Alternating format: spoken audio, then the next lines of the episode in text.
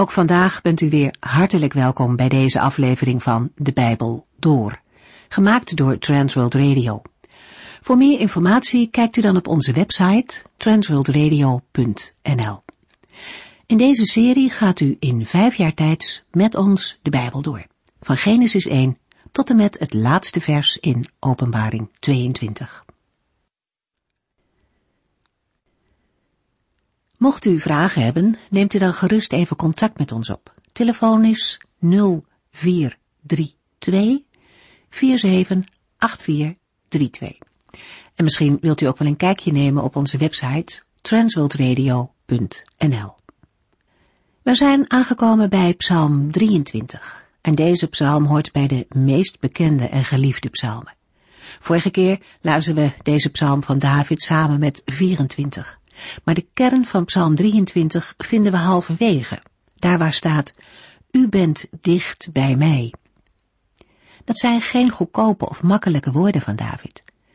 Hij heeft door alle gevaren in zijn leven heen steeds weer ervaren dat de Heere hem niet alleen liet. Dat dal van diepe duisternis waar hij over schrijft, dat was voor David een hele reële ervaring. Maar net zo reëel was ook de nabijheid van de Heere God. Er gebeurden niet voortdurend grote wonderen in Davids leven, waardoor elk donker dal meteen verdwenen was. David moest er doorheen, maar niet alleen. En daarom kon hij van harte zeggen dat hij niet bang was, omdat de Heere zelf met hem meeging. En elke keer leidde de Heere hem ook weer uit het dal. David heeft de zegeningen van de Heere ervaren, zelfs in de moeilijkste situaties.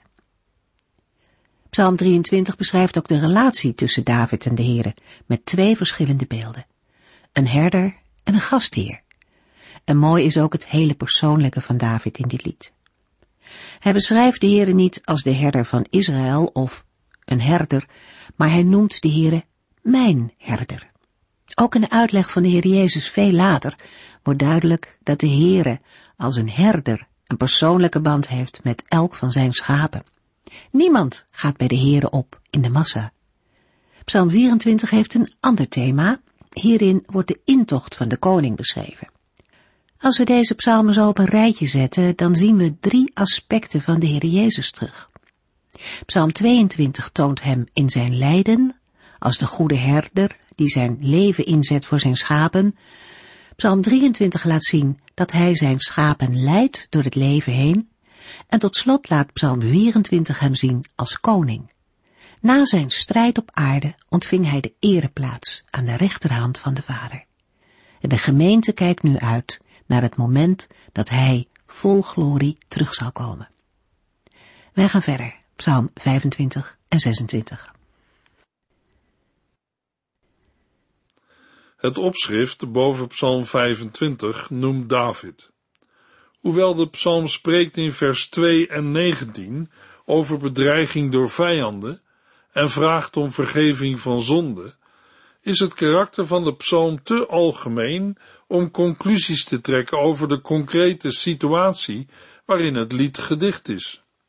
Sommige Bijbeluitleggers denken, op grond van vers 3, aan de tijd van de opstand van Absalom.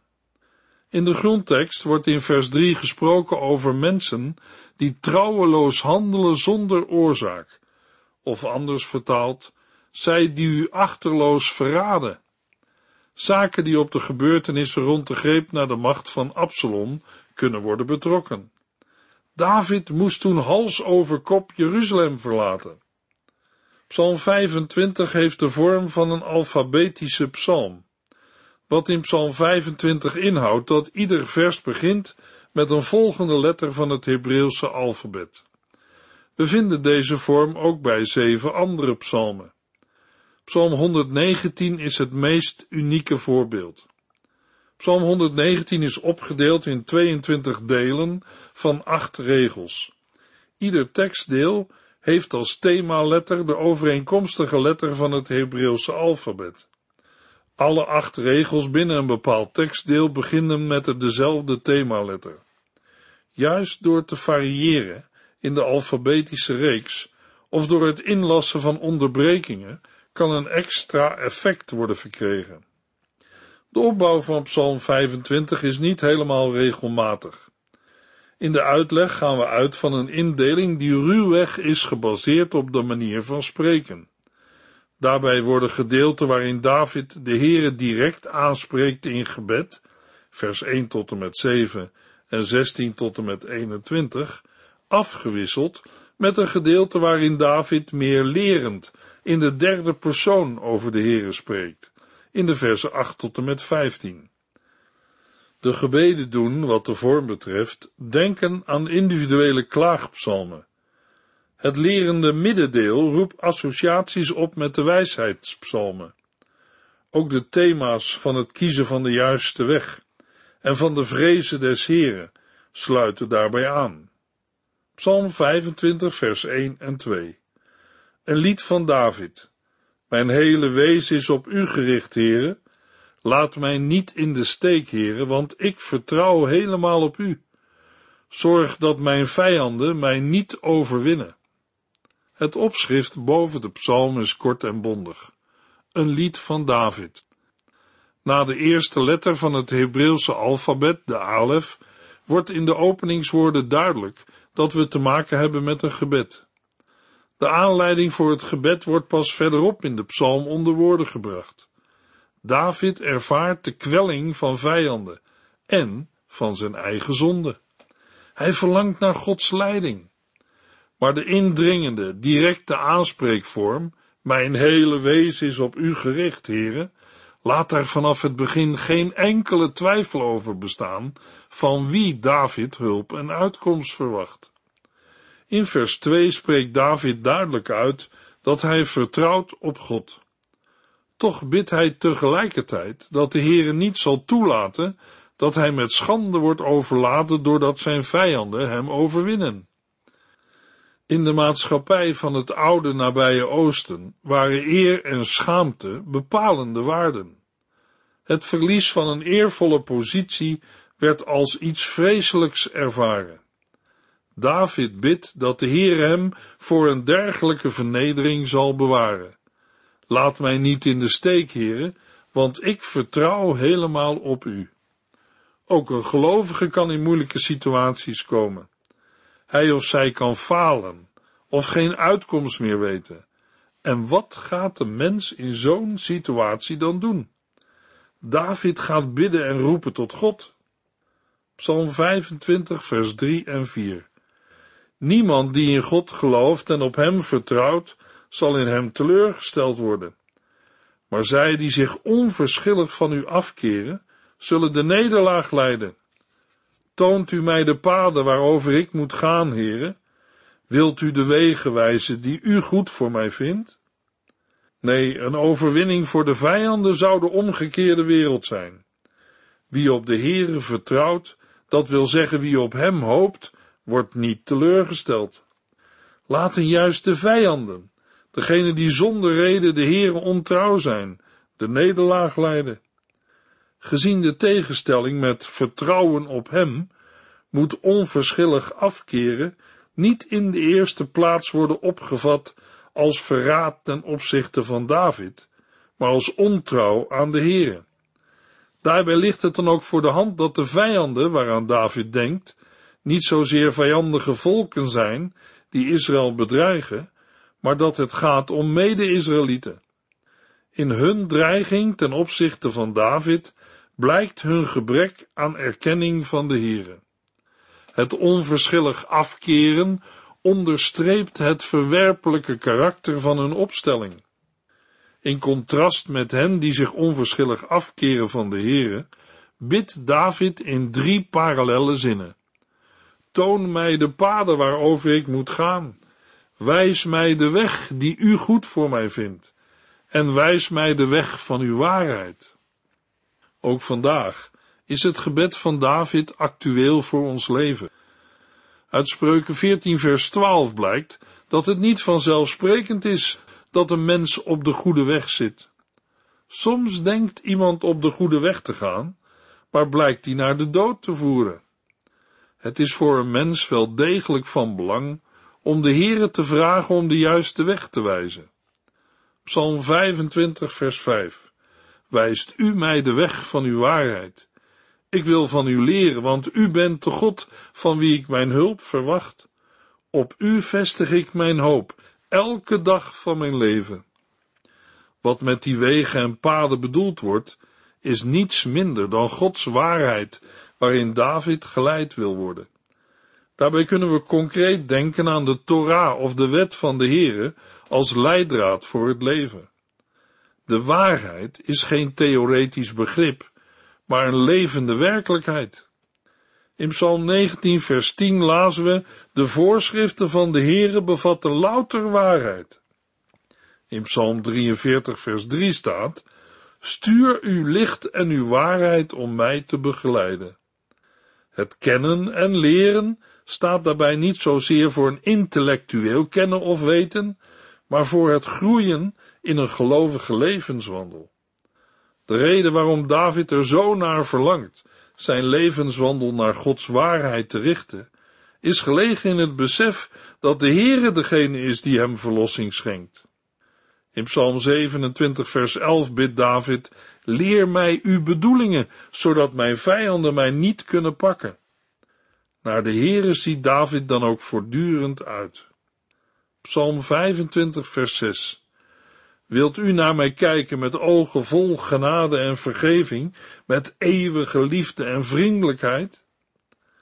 Na het gebed om Gods leiding volgt nog een tweede gebed, waarin David vraagt om Gods vergeving voor alle keren waarin hij van de weg van de Heer is afgeweken. Hij vraagt of de Heer met zijn barmhartigheid en liefdevolle verbondstrouw naar hem wil kijken. Het is op die basis dat David het vertrouwen heeft dat zijn gebed niet aan de Heere voorbij gaat en hij niet wordt vergeten. Psalm 25 vers 7 Wilt u voorbij gaan aan de zonde die ik in mijn jeugd begaan heb, Heere? David bidt ook dat de Heere juist niet denkt aan de zonde en overtredingen uit zijn jeugd. Treffend dat David vraagt of de Heere eraan wil voorbijgaan. Dat is niet hetzelfde als door de vingers zien of zonden die niet zo erg waren. De Heere kan aan de zonde voorbij gaan, omdat hij vol genade en vergeving is. Daarbij komt dat wij vanuit het Nieuwe Testament mogen weten dat voordat de Heere de zonde ongestraft liet, hij ze gelegd heeft op zijn eigen zoon, Jezus Christus. Psalm 25, vers 8 en 9. De Heer is goed en graag bereid hun die dreigen te verdwalen de juiste weg te tonen. Hij zal de beste weg tonen aan hen die zich in hun afhankelijkheid tot hem richten. In de versen die nu volgen spreekt David in de derde persoon over de Heere, behalve in vers 11, waardoor zijn woorden het karakter krijgen van een getuigenis. In feite spreekt David daarmee ook over zichzelf. Hij weet zich een zondaar die het nodig heeft dat de Heer hem de weg wijst. Zo getuigen deze woorden van het vertrouwen dat David in de Heere heeft. God zal zijn gebed om leiding verhoren. Psalm 25 vers 10 Als we hem dan gehoorzamen, zal elk pad waarop hij ons leidt, getooid zijn met zijn liefdevolle goedheid en waarheid. Alle paden van de Heere kenmerken zich door liefde en trouw voor degene die zijn verbond en zijn geboden onderhouden. Dat wil zeggen, zich eraan houden en naleven. Psalm 25 vers 11 Maar Heere, ik heb zoveel zonde begaan. Och, wilt u die vergeven tot eer van uw naam? David is zich er maar al te goed van bewust dat het hem aan die gehoorzaamheid nogal eens ontbreekt. Daarom onderbreekt hij in vers 11 met een indringend gebed. Een uitroep tot de Heere om zijn schuld te vergeven. Niet omdat hij daar aanspraak op zou kunnen maken, maar omwille van de naam van de Heere zelf. Uit het Nieuwe Testament weten we dat een ieder die zijn of haar zonde aan de Heere beleidt, een rechtvaardige advocaat heeft bij God de Vader, Jezus Christus. Hij nam de straf voor onze zonde op zich en verzoende ons zo met God. Psalm 25, vers 12 tot en met 14. Waar is de man die ontzag heeft voor de Heere? God zal hem leren hoe hij steeds de juiste keus kan maken. Hij mag leven onder Gods zegen en zijn kinderen zullen het land in bezit nemen. De vriendschap met God is voor hen die hem eerbied bewijzen. Zij zullen de geheimen verborgen in zijn beloften leren kennen. In vers 12 begint David het tweede deel van zijn getuigenis met een retorische vraag. Waar is de man die ontzag heeft voor de Heere? Hij wordt door de Heere de weg gewezen die hij kiezen moet. David betuigt opnieuw zijn vertrouwen in de Heere en zijn verbond. In vers 14 wordt duidelijk dat het goede waaraan zij die ontzag hebben voor de Heere meer is dan dat. Zij zullen de geheimen verborgen in zijn belofte leren kennen. Psalm 25 vers 15 Ik kijk voortdurend op naar de Heere, om zijn hulp te vragen, want alleen hij kan mij redden. David besluit zijn getuigenis met uit te spreken dat hij zijn ogen onophoudelijk op de Heere gericht houdt. Psalm 25, vers 16 tot en met 21. Kom toch, Heere, en toon mij uw genade, want ik ben eenzaam en diep wanhopig. Mijn zorgen nemen toe. Lost u ze toch voor mij op? Kijk eens wat een zorg ik heb. Voelt u mijn pijn? Vergeef mij mijn zonde Ziet u hoeveel vijanden ik heb en hoe hardgrondig zij mij haten? Red mij uit hun handen en bevrijd mij uit hun macht. Och, laat toch nooit van mij gezegd kunnen worden dat ik vergeefs op u heb gehoopt. Voorzie mij van godsvrucht en integriteit, alsof het mijn lijfwachten zijn, want ik verwacht dat u mij zult beschermen. Op een nog indringender toon dan aan het begin van deze psalm vervolgt David zijn gebeden. David heeft in vers 14 wel gesproken over de vertrouwelijke omgang met de Heere, maar nu spreekt hij uit hoezeer hij daar zelf naar verlangt. In vers 17 verwoordt hij dat zijn zorgen steeds meer toenemen. Daarom bidt David de Heer om uitredding. De nood van David bestaat in de eerste plaats uit zijn eigen zonde. In vers 18 vraagt David voor de derde keer om vergeving. In vers 19 wordt duidelijk dat ook de vijanden hem benauwen. Davids gebed is concreet. Vers 20. Red mij uit hun handen en bevrijd mij uit hun macht. David vraagt God hem niet beschaamd te laten staan. Hij heeft zijn hoop op de Heere gevestigd. Daarom bidt hij dat hij integer en oprecht mag zijn, zodat deze twee hem beschermen alsof het lijfwachten zijn. De grond voor dit gebed is dat de dichter zijn hoop op de Heere gevestigd houdt. Psalm 25, vers 22. O God, wilt u Israël bevrijden uit alle moeilijkheden? Het laatste vers van deze psalm valt buiten de alfabetische opbouw en wijkt ook inhoudelijk enigszins af van het voorgaande zodat we dit vers goed kunnen typeren als een soort onderschrift. In het onderschrift wordt het gebed om uitredding, dat tot nu toe gemakkelijk als een individueel gebed gebeden kon worden, verbreed tot een gebed om de verlossing van Israël. Er zijn drie gebedsthema's die in deze psalm telkens terugkeren. Een gebed om verlossing van vijanden en benauwdheid, om vergeving van zonde en om leiding in het leven naar Gods geboden. Hoewel de Heere zijn wet heeft bekendgemaakt, is David zich er maar al te goed van bewust dat voor een zodanige levenswandel de hulp en leiding van de Heere nodig is. Tegelijkertijd ademt de psalm het vertrouwen uit dat de Heere die trouw is aan zijn verbond deze gebeden ook daadwerkelijk zal verhoren. Het laatste vers verruimt de blik en herinnert eraan dat een gelovige deel uitmaakt van een geloofsgemeenschap, die ook, of juist, als gemeenschap mag uitzien naar Gods verlossing, op grond van zijn belofte en trouw. We gaan nu verder met Psalm 26.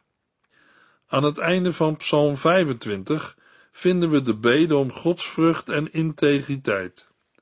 In de opening van Psalm 26 is opnieuw sprake van onschuld en recht. Er is wel een belangrijk verschil.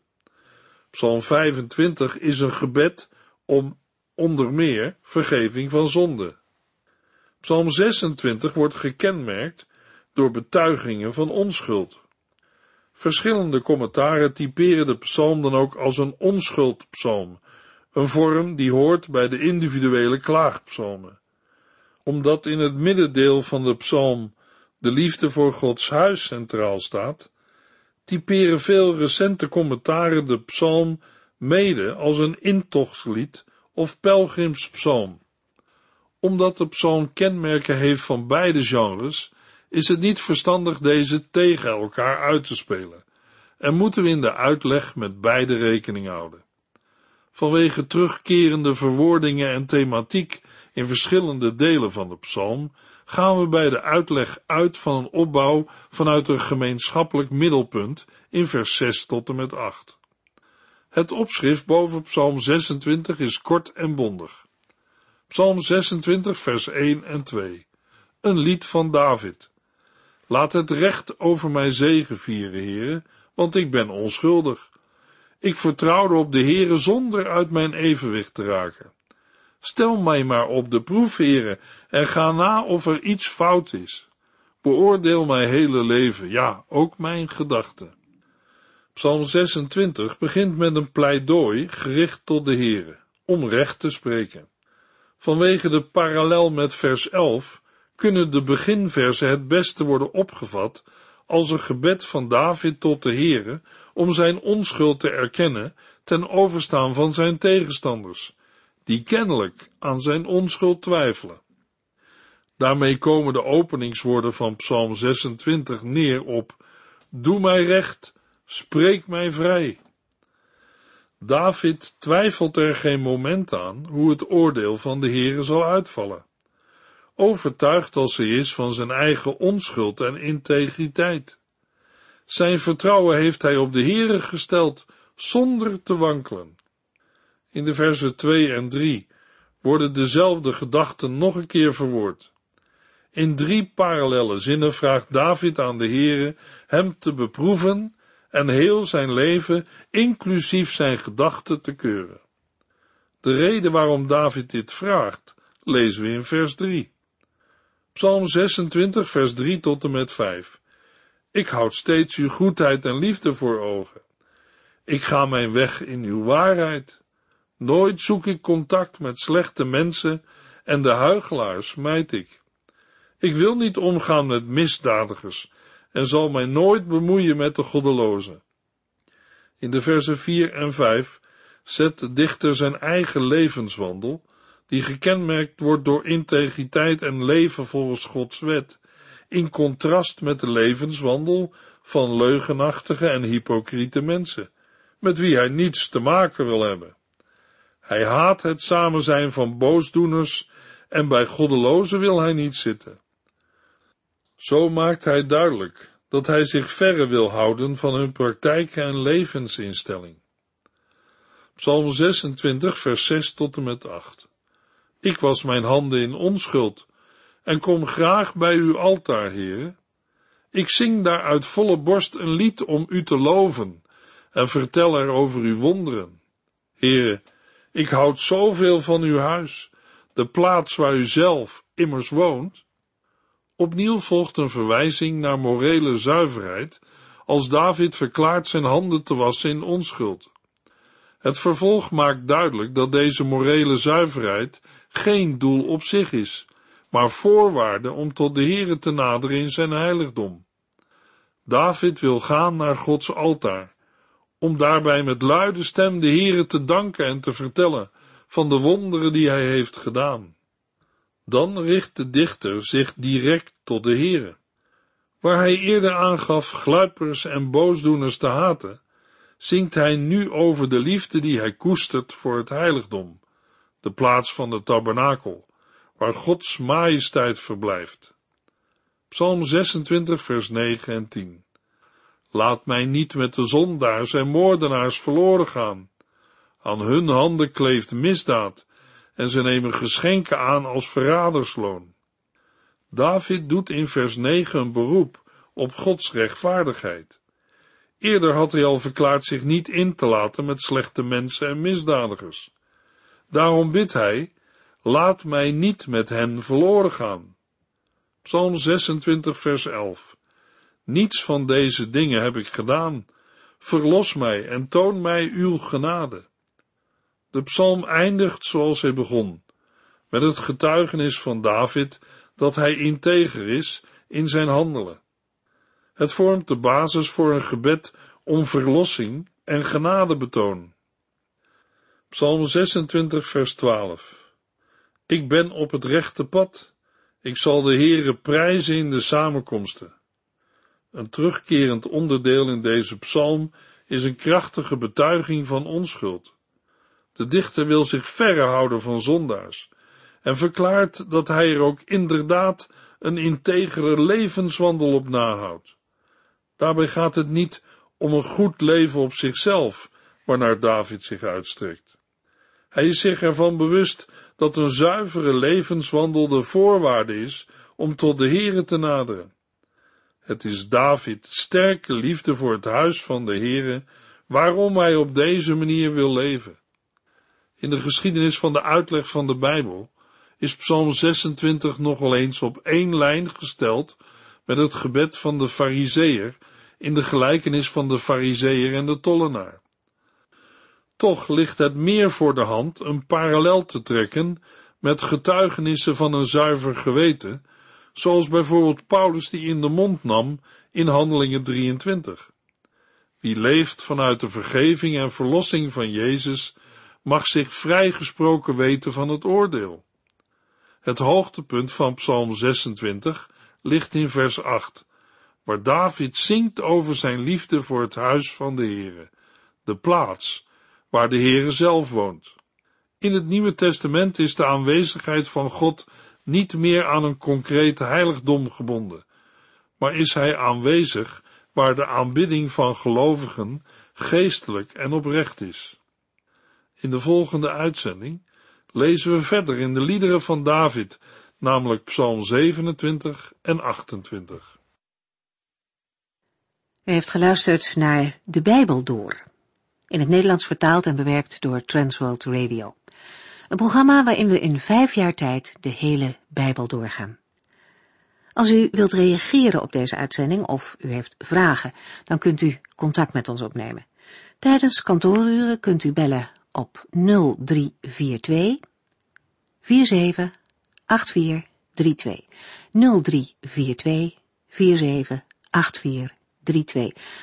Ook kunt u een e-mail sturen naar de Bijbel door at transworldradio.nl en natuurlijk kunt u ook via de post ons bereiken.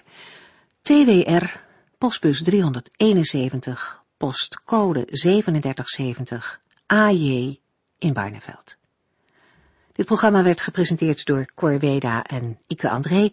Techniek was in handen van Odin van Voerkom. En wij allemaal bedanken u voor het luisteren. Graag tot de volgende keer.